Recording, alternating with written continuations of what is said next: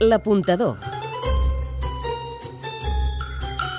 Les estrenes de teatre amb Pep Vila. Vamos a, vamos a pasar la primer- el, el principio. Germán lee un folio manuscrito en el que hace anotaciones. Això sí que és un luxe. L'apuntador, espectador d'excepció d'aquest assaig del Chico de l'última fila, on el director Andrés Lima dona indicacions a Míriam Iscla i a Sergi López. Y le besa. Le besa, vemos una pareja bien avenida. ¿Qué? ¿Cómo ha ido? Sergi López és un mestre de literatura cansat de tants estudiants sense idees o amb molta mandra sobre, fins que aquell, el de l'última fila, té una reacció que fa que se li removi tot. El Chico de l'última fila, que es podrà veure a la Sala Beckett fins al 3 de març, és la nostra gran aposta de la setmana. L'aposta de l'apuntador. Tres motius per veure-la. Me cambio y nos vamos al cine a una divertida. El primer, Els autors. Estem parlant d'una obra de Juan Mayorga, un dels autors contemporanis més importants, amb obres com Himmelweg, i a més la dirigeix Andrés Lima. Per tant, la combinació perfecta.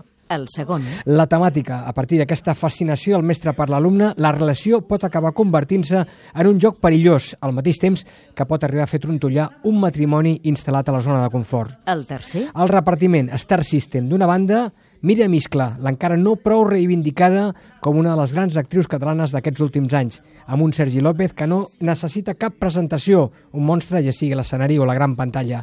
Tot això ben secundats per David Bagés o el jove Guillem Barbosa, entre d'altres.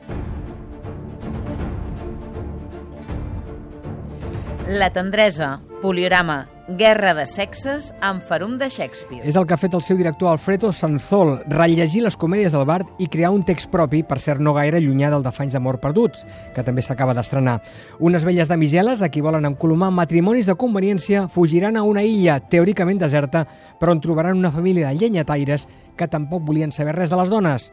La diversió està assegurada i a més amb un repartiment on hi ha Laura Obert, Jordi Rico, Elisabet Casanovas o Javi Beltrán, entre d'altres. I ara, amb el vostre permís, me'n vaig a fer-li un favor a la vostra filla. Va.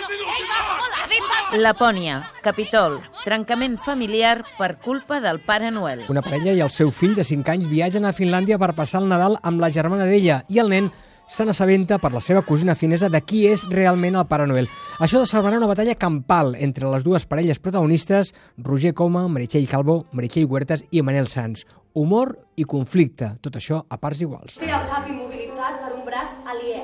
Auc, el so de les esquerdes, Carla Rovira i les impossibles. Finalment arriba a Barcelona aquest espectacle impagable que és un crit rebel contra la violència sexual. I també Federico García, Romea. Torna aquest espectacle de Pep Tosà que ofereix una imatge polièdrica a la figura del poeta i explora la seva dimensió humana, amb teatre, poesia, cant i ball flamenc. Deliria 2, Acadèmia. Obra d'Eugene Ionesco, que parla de la bogeria d'haver d'existir, de l'angoixa per la certesa de la mort i la dificultat de les relacions humanes, amb Montse Puga i Òscar Intente.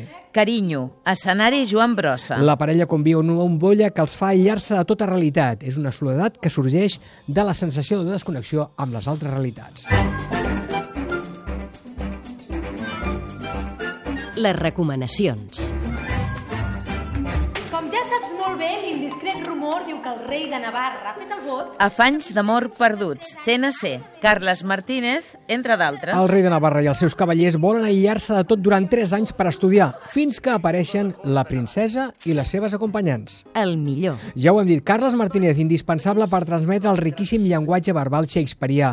És una obra entretinguda, però amb ell el nivell augmenta considerablement. El pitjor. Tot i algunes innovacions, no acabem d'entendre tantes i tantes noves versions sobre obres de Shakespeare. Un moment per recordar. Les converses de Carles Martínez amb Caral Casasalles, les aparicions d'Oriol Genís i el sabó afer de Pep Antón Muñoz. En definitiva, Els aficionats a Shakespeare, que la vulguin repassar un cop més, passaran una estona ben entretinguda. Hola, sóc l'Anna Moliner i és l'apuntador qui us ho recomana. l'apuntador.